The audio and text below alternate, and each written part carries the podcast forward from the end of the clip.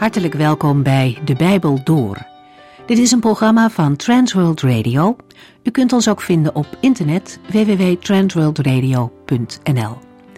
De Bijbel Door is een radioserie die in vijf jaar tijd door de hele Bijbel gaat.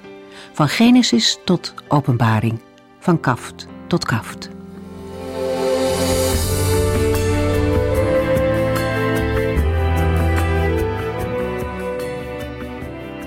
Fijn dat u luistert. Mocht u meer informatie willen hebben over het werk van Transworld Radio of over deze serie, kijkt u dan op onze website transworldradio.nl of belt u overdag met 0342 478432. We beginnen vandaag aan een nieuw Bijbelboek, namelijk dat van de profeet Jona. Hij is een van de bekendere personen uit de Bijbel ook onder mensen die geen christen zijn. Jona is ook een omstreden persoon. Er zijn nogal wat mensen, ook in kerken, die Jona als een verzonnen figuur zien. Wat hij meegemaakt heeft is zo bijzonder dat men het niet kan of wil geloven. Wij gaan echter niet mee in die denktrand.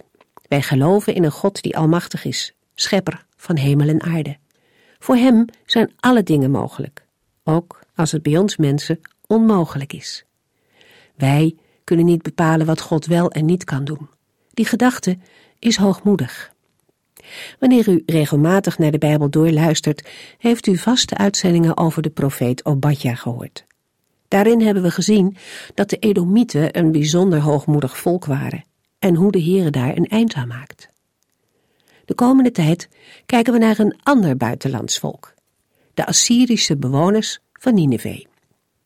Bij hen zien we een totaal andere houding ten opzichte van de enige God. De profeet van God komt met een korte boodschap, maar wat maakt hij een grote indruk? Het boek Jona is een boek vol van Gods genade. Niet alleen voor de Ninevieten, maar ook voor Jona zelf. En misschien is die genade van een heilig God nog wel een veel groter wonder dan het wonder van Jona en de vis. We beginnen vandaag met de inleiding op Jona.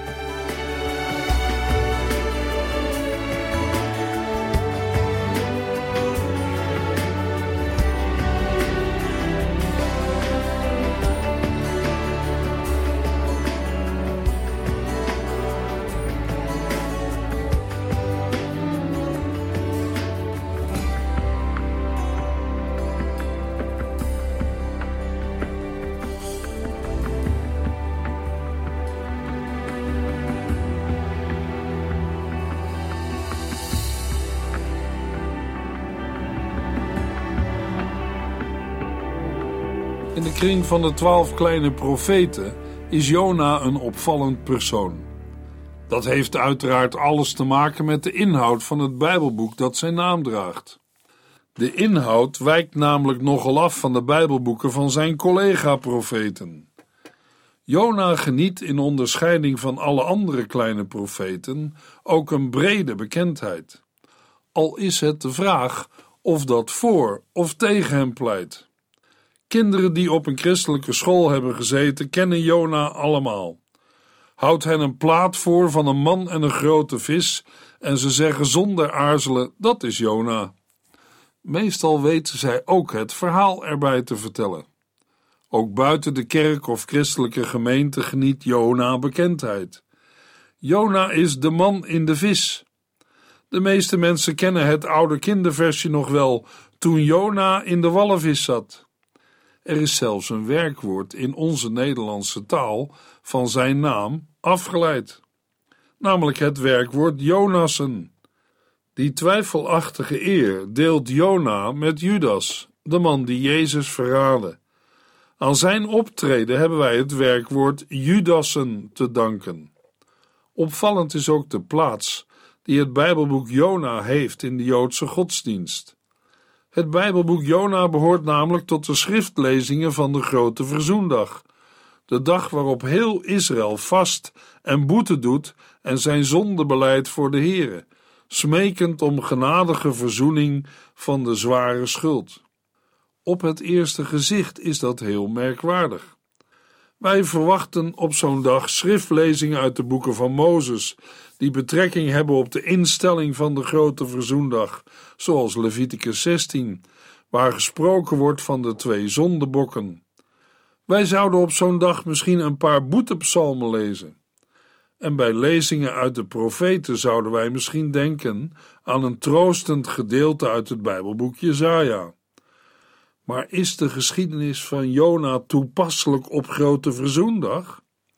We zullen het bij de bespreking van het Bijbelboek Jona beter gaan begrijpen en zien dat het niet zo vreemd is als het in eerste instantie lijkt. Want in de geschiedenis van Jona ontmoeten wij de Heere die het oordeel waarmee hij heeft gedreigd niet voltrekt. Jona is het Bijbelboek van Gods medelijden met mensen die zijn oordeel hebben verdiend, maar tot inkeer komen en zich bekeren. Zo openbaart de Heere zich in de dagen van Jona aan zijn volk Israël, aan de bewoners van de stad Nineveh en niet te vergeten ook aan Jona zelf. De Heere is de God die zich ontfermt, de Vader van alle barmhartigheid. Hij is in zichzelf bewogen. Het Hebreeuwse woord dat met barmhartigheid wordt vertaald, betekent oorspronkelijk moederschoot. In Gods diepste wezen en binnenste huist een innerlijke ontferming, waardoor naar het woord van de profeet Jezaja zijn diepste binnenste zal huilen, of vanuit een andere vertaling, zijn ingewanden rommelen van barmhartigheid. Zacharias, de vader van Johannes de Doper, heeft ervan gezongen toen hij weer kon praten. In Lucas 1, vers 78 en 79 zegt hij: Want het hart van onze God loopt over van liefde en goedheid. Een hemels licht zal op ons schijnen, zodat de mensen die in het donker en de schaduw van de dood zitten, weer kunnen zien, en wij op de weg van de vrede worden gebracht. Daarom is de geschiedenis van Jona zelf ook een blijk van Gods barmhartigheid. Juist zo wordt Jona profeet van Gods barmhartigheid, vol van het evangelie van de Heer Jezus, die van zichzelf heeft gezegd in Matthäus 12, vers 41: Op de dag van het grote oordeel zullen de mannen van Nineveh tegelijk met u levend worden en u veroordelen want zij luisterden naar de waarschuwingen van Jona en bekeerden zich tot God. Maar hier staat iemand die meer is dan Jona. In de Heer Jezus Christus is Gods barmhartigheid vlees en bloed geworden. De barmhartigheid die de Heer in het Bijbelboek Jona bewijst, heeft Christus verworven toen het voor hem niet mogelijk was dat de drinkbeker van Gods toorn aan hem voorbij ging in Gethsemane en hij het oordeel, ons oordeel, over de zonde droeg op Golgotha. Jona is vol van het evangelie van Grote Verzoendag en Goede Vrijdag. In het Bijbelboek Jona openbaart de Heere zich als de God van Psalm 103. U zou de hele psalm vandaag eens moeten lezen. Nu lees ik de versen 8 tot en met 10. De Heer is vol medelijden, vergeving en genade. Hij heeft geduld en zijn goedheid en trouw zijn overvloedig. Hij blijft niet altijd boos op ons. Eens komt daar een einde aan. Hij behandelt ons niet naar wat wij door onze zonden verdienen. Hij stelt het goede tegenover onze tekortkomingen. En het goede is zijn zoon Jezus Christus. Het Bijbelboek Jona heeft de eeuwen door steeds veel aandacht gevraagd en gekregen. Na het Bijbelboek Psalmen, dat het meest verklaarde Bijbelboek van het Oude Testament is, staat het Bijbelboek Jona heel verrassend op de tweede plaats. Maar dat betekent niet dat op alle vragen waarvoor het Bijbelboek Jona ons stelt een bevredigend antwoord is gegeven. In de vijfde eeuw schreef de kerkvader Hieronymus over het Bijbelboek Jona. Vele commentaren hebben de boodschap meer verduisterd dan in het licht gesteld. Dat is niet zo vreemd. Jona is een van die kleine profeten, maar is de inhoud van het Bijbelboek wel een profetie? Is het niet veel meer een stuk geschiedenis uit het leven van Jona, de man die profeet is?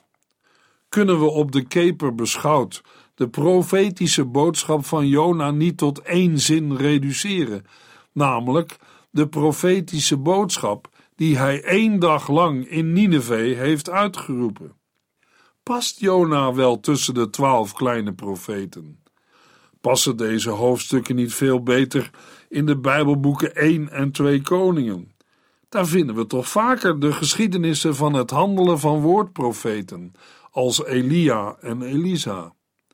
Een andere vraag die daarbij gelijk opkomt is: hebben wij in het Bijbelboek Jona met geschiedenis te maken, of is het alleen een verhaal met een boodschap? Het zijn vragen die rond het Bijbelboek Jona zijn gesteld, al is voor ons het antwoord op die vraag zo klaar als een klontje. Waarom? Omdat het antwoord door de Heer Jezus zelf is gegeven. We hebben het al gelezen in Matthäus 12, maar we lezen het ook in Matthäus 16, vers 4 en Lucas 11, vers 29 tot en met 34. De Heer Jezus zegt dat Jona drie dagen en drie nachten in de buik van de grote vis was. Hij, die zelf de waarheid is, de getrouwe en waarachtige getuige, zegt dat Jona drie dagen en drie nachten in de buik van het zeemonster zat. De heiland vergelijkt dat met zijn eigen gang. We lezen in Matthäus 12, vers 40b: Zo zal ik, de mensenzoon, drie dagen en drie nachten in het hart van de aarde zijn. De Heer Jezus zelf gaat uit van de historiciteit van de gebeurtenissen in het Bijbelboek Jona. Als het Bijbelboek Jona alleen een verhaal zou zijn, zou de heiland dit zo niet hebben kunnen zeggen. Bovendien spreekt de Heer Jezus in het vervolg over de mannen van Nineveh, die in de oordeelsdag zullen opstaan samen met hen die de prediking van Jezus hebben gehoord. En de mannen van Nineveh zullen de hoorders uit Jezus tijd veroordelen. Immers de inwoners van Nineveh hebben zich bekeerd op de prediking van Jona. En terwijl de Heer Jezus meer is dan Jona, bekeren zijn hoorders zich niet. Als de mannen van Nineveh alleen figuren waren uit een verhaal, had de Heer Jezus dit niet zo kunnen zeggen. Bij het laatste oordeel zullen alleen mensen die echt hebben geleefd voor de troon van God staan. Maar hoe zit het nu precies met de geschiedenis over Jona in de grote vis of het zeemonster? Mogelijk weet u dat de geschiedenis van Jona voor veel mensen een groot struikelblok is om in de Bijbel te geloven. Als verhaal kunnen veel mensen de geschiedenis van Jona nog wel geloven. Maar als een waar gebeurd verhaal met echte mensen hebben velen er moeite mee. Want, zeggen zij, het kan gewoon niet. In de Middellandse Zee zwemt geen vis met zo'n groot keelgat en een mens zou nooit kunnen overleven in de buik van een vis. Over deze vraag is de eeuwen door heel wat te doen geweest. Wetenschappelijke bewijzen dat iets dergelijks onmogelijk is, staan tegenover verhalen van mensen die iets dergelijks hebben meegemaakt. Maar ik denk dat het beter is om daar niet aan mee te doen, want er zijn dan heel wat meer geschiedenissen in de Bijbel die wetenschappelijk gezien onmogelijk lijken en voor het menselijke verstand niet te begrijpen. Maar is bij de Heere onmogelijk wat ons verstand te boven gaat? Luisteraar, kunt u ooit het grootste wonder van de wereldgeschiedenis begrijpen? Dat God in zijn ondoorgrondelijke barmhartigheid zijn enige geboren zoon gegeven heeft, opdat zondige mensen zouden leven door hem? Kent u misschien het verhaal van de professor die tijdens een fietstocht over de Veluwe een eenvoudige boerenvrouw ontmoette, met wie hij in gesprek raakte over het christelijk geloof? Tijdens dat gesprek vroeg de professor, die zelf met het geloof van zijn ouders gebroken had, aan de vrouw die vanuit haar geloof sprak, of zij ook het verhaal van Jona in de vis geloofde. Dat kon immers helemaal niet. De vrouw gaf toen een verrassend antwoord. Al stond er dat Jona de vis had ingeslikt, dan zou ik het nog geloven omdat Gods woord het zegt. Juist dat laatste is doorslaggevend. Daarbij gaat het om de vraag: geloven wij de Heer op zijn woord? Maar zal iemand vragen: is geloven hetzelfde als de blik op oneindig en het verstand op nul? Nee, zeker niet. Maar onze wijsheid schiet in vergelijking met de wijsheid van de Heere oneindig veel tekort.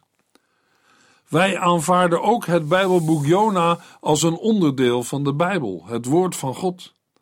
Van Gods woord getuigt de apostel Petrus in 2 Petrus 1, vers 20 en 21. U moet goed onthouden dat niets van wat de profeten in de boeken hebben gezegd, zonder hulp van de Heilige Geest kan worden uitgelegd. Want zij hebben die woorden niet zelf bedacht, maar de Heilige Geest heeft hen ertoe gedreven namens God te spreken.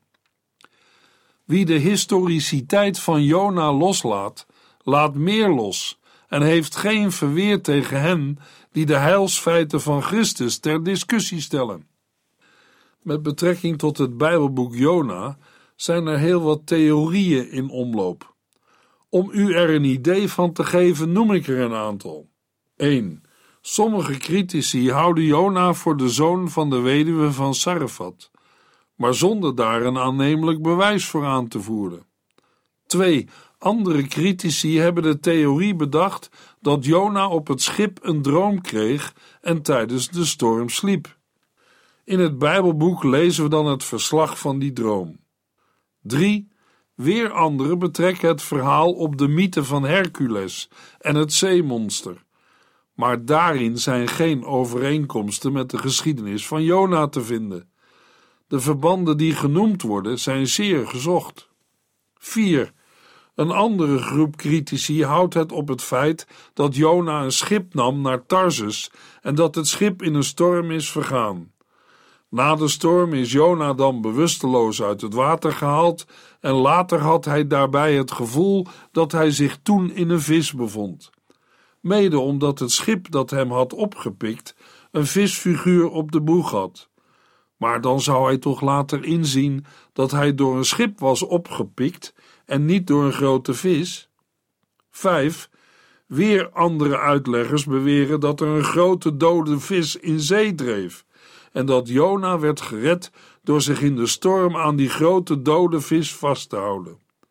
De meeste critici nemen aan dat het Bijbelboek Jona niets meer is dan een allegorie, een verzinsel of een volksverhaal. Dat wat in Jona wordt verteld, kan volgens hen niet echt zijn gebeurd. Maar wij moeten al die speculaties opzij zetten, omdat ze in feite geen goede basis hebben. Namelijk, er is geen bewijs vanuit een historisch standpunt. We kunnen bevestigen dat Jona een historisch persoon is geweest en niet is verzonnen. Jona heeft geleefd en is de schrijver van het gelijknamige Bijbelboek. We lezen in 2 Koningen 14 vers 23 Ondertussen was Jerobiam II in Samaria tot koning gekroond. Dat gebeurde in het vijftiende regeringsjaar van koning Amasja van Juda. Jerobiam bleef 41 jaar regeren over Israël. Geen enkele uitlegger van de Bijbel twijfelt eraan dat Jerobiam II heeft geleefd, dat hij de koning was van het noordelijke tienstammenrijk Israël en dat zijn regeringsperiode 41 jaar duurde. Het zijn gegevens die hebben plaatsgevonden en historisch zijn vastgelegd.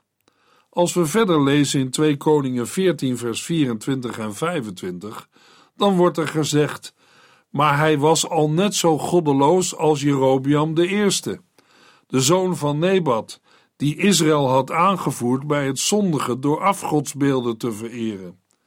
Jerobiam II heroverde het gebied van Israël tussen Hamat en de Dode Zee precies zoals de Heere had voorzegd door de profeet Jona uit Gad Hashefer, de zoon van Amittai.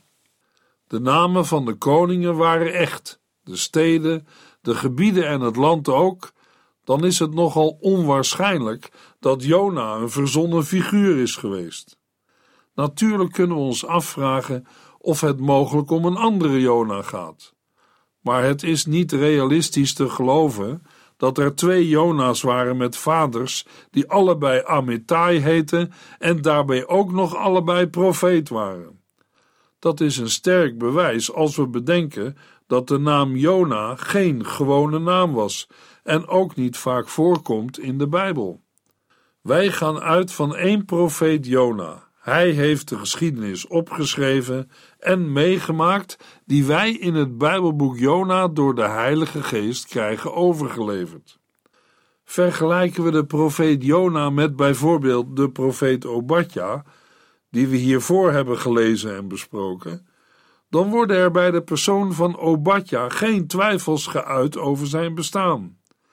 Het zijn de bijzondere dingen die Jona meemaakt en de nieuwtestamentische citaten met betrekking tot de opstanding van Christus, die voor een aantal uitleggers moeilijke punten zijn.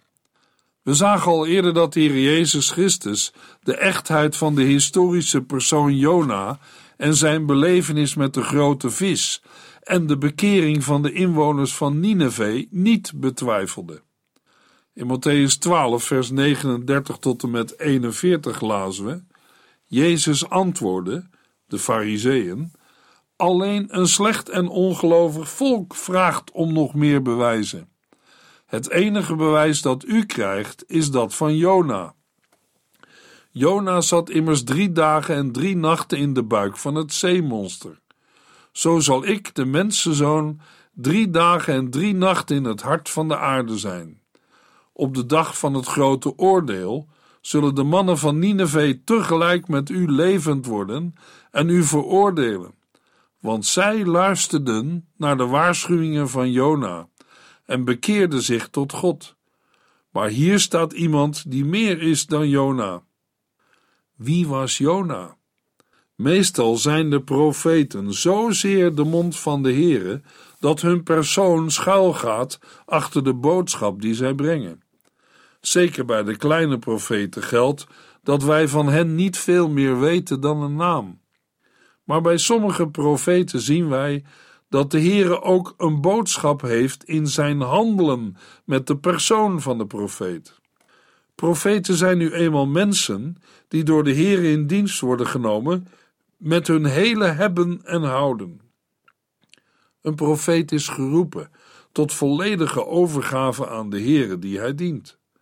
Zo moet Jezaja zijn kinderen namen geven die een profetische boodschap bevatten. Jeremia moet ongetrouwd blijven. Ezekiel verliest zijn vrouw die plotseling overlijdt en van wie hij zielsveel houdt, maar hij mag er niet eens om rouwen. Hosea moet met zijn ongelukkige huwelijk een boodschap zijn voor het ontrouwe Israël. Maar bij Jona klinkt de boodschap van de Heere wel heel nadrukkelijk in Gods handelen met de persoon van de profeet. Daarom moeten wij een antwoord zoeken op de vraag: wie was Jona nu eigenlijk? Want eerlijk is eerlijk, voor het besef van velen komt Jona er niet best af. En gezien zijn optreden en zijn opmerkingen is dat begrijpelijk. Is Jona wel een dienaar van de Heere? Is Jona wel een kind van God, een echte gelovige? Als wij de gegevens uit de Bijbel naast elkaar leggen, dan moeten wij het doen met wat wij in het Bijbelboek Jona vinden. Daarvan geloven wij dat Jona de inhoud onder leiding van de Heilige Geest achteraf zelf heeft opgeschreven. Het is ook mogelijk dat hij het aan een ander heeft gedicteerd, zoals Jeremia dat ook heeft gedaan. Daarnaast hebben we een kleine aanvulling in 2 Koningen 14. De naam Jona betekent duif. Zijn vader heet Amittai. Dat betekent de Heer is waarachtig.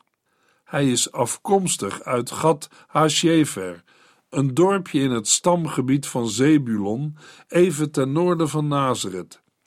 Zijn optreden valt in de periode van koning Jerobiam II, een koning uit het huis van Jehu, dat na het huis van Omri en Agab over Israël heeft geregeerd. Van Jerobiam II zegt de Bijbel niet veel.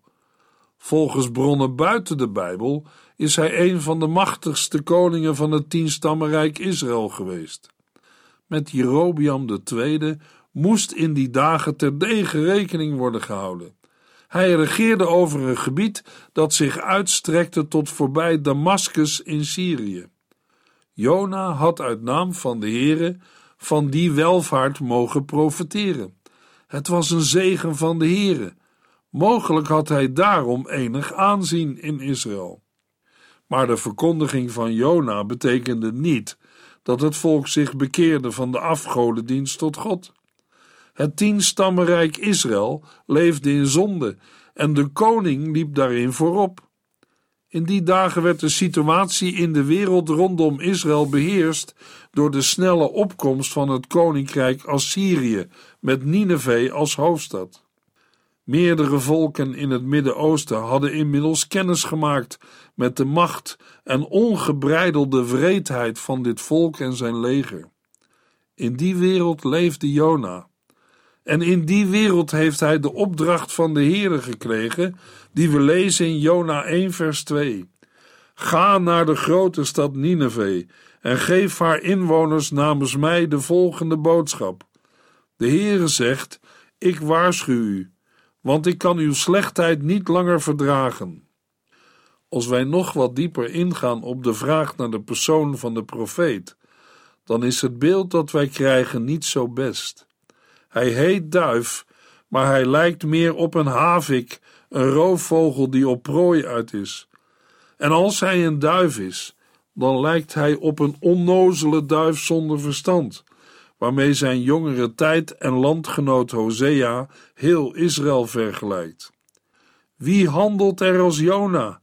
Wie is zo dwaas dat hij denkt dat hij God kan ontvluchten? Wie echt ontzag voor de Heer heeft en hem gelooft op zijn woord, die doet zulke dingen niet. Jona doet ons denken aan een kromme stok, waarmee de Heere dan gelukkig nog een rechte slag geeft. Als Jona in nood zit, lijkt het nog wat, maar verder? En hoe is dat bij ons? Maar daarover meer in de volgende uitzending.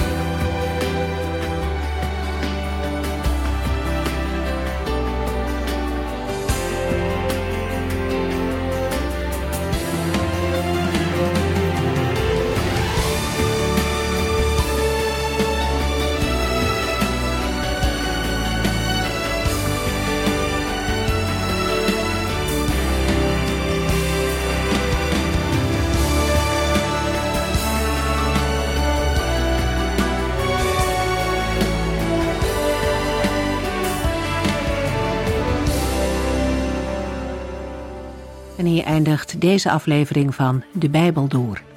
Een serie programma's van Transworld Radio. Wilt u ons iets vragen of meer weten? Dan kunt u altijd contact met ons opnemen. Bellen kan overdag met 0342 478432. Per post Transworld Radio. Postbus 371. Postcode 3770.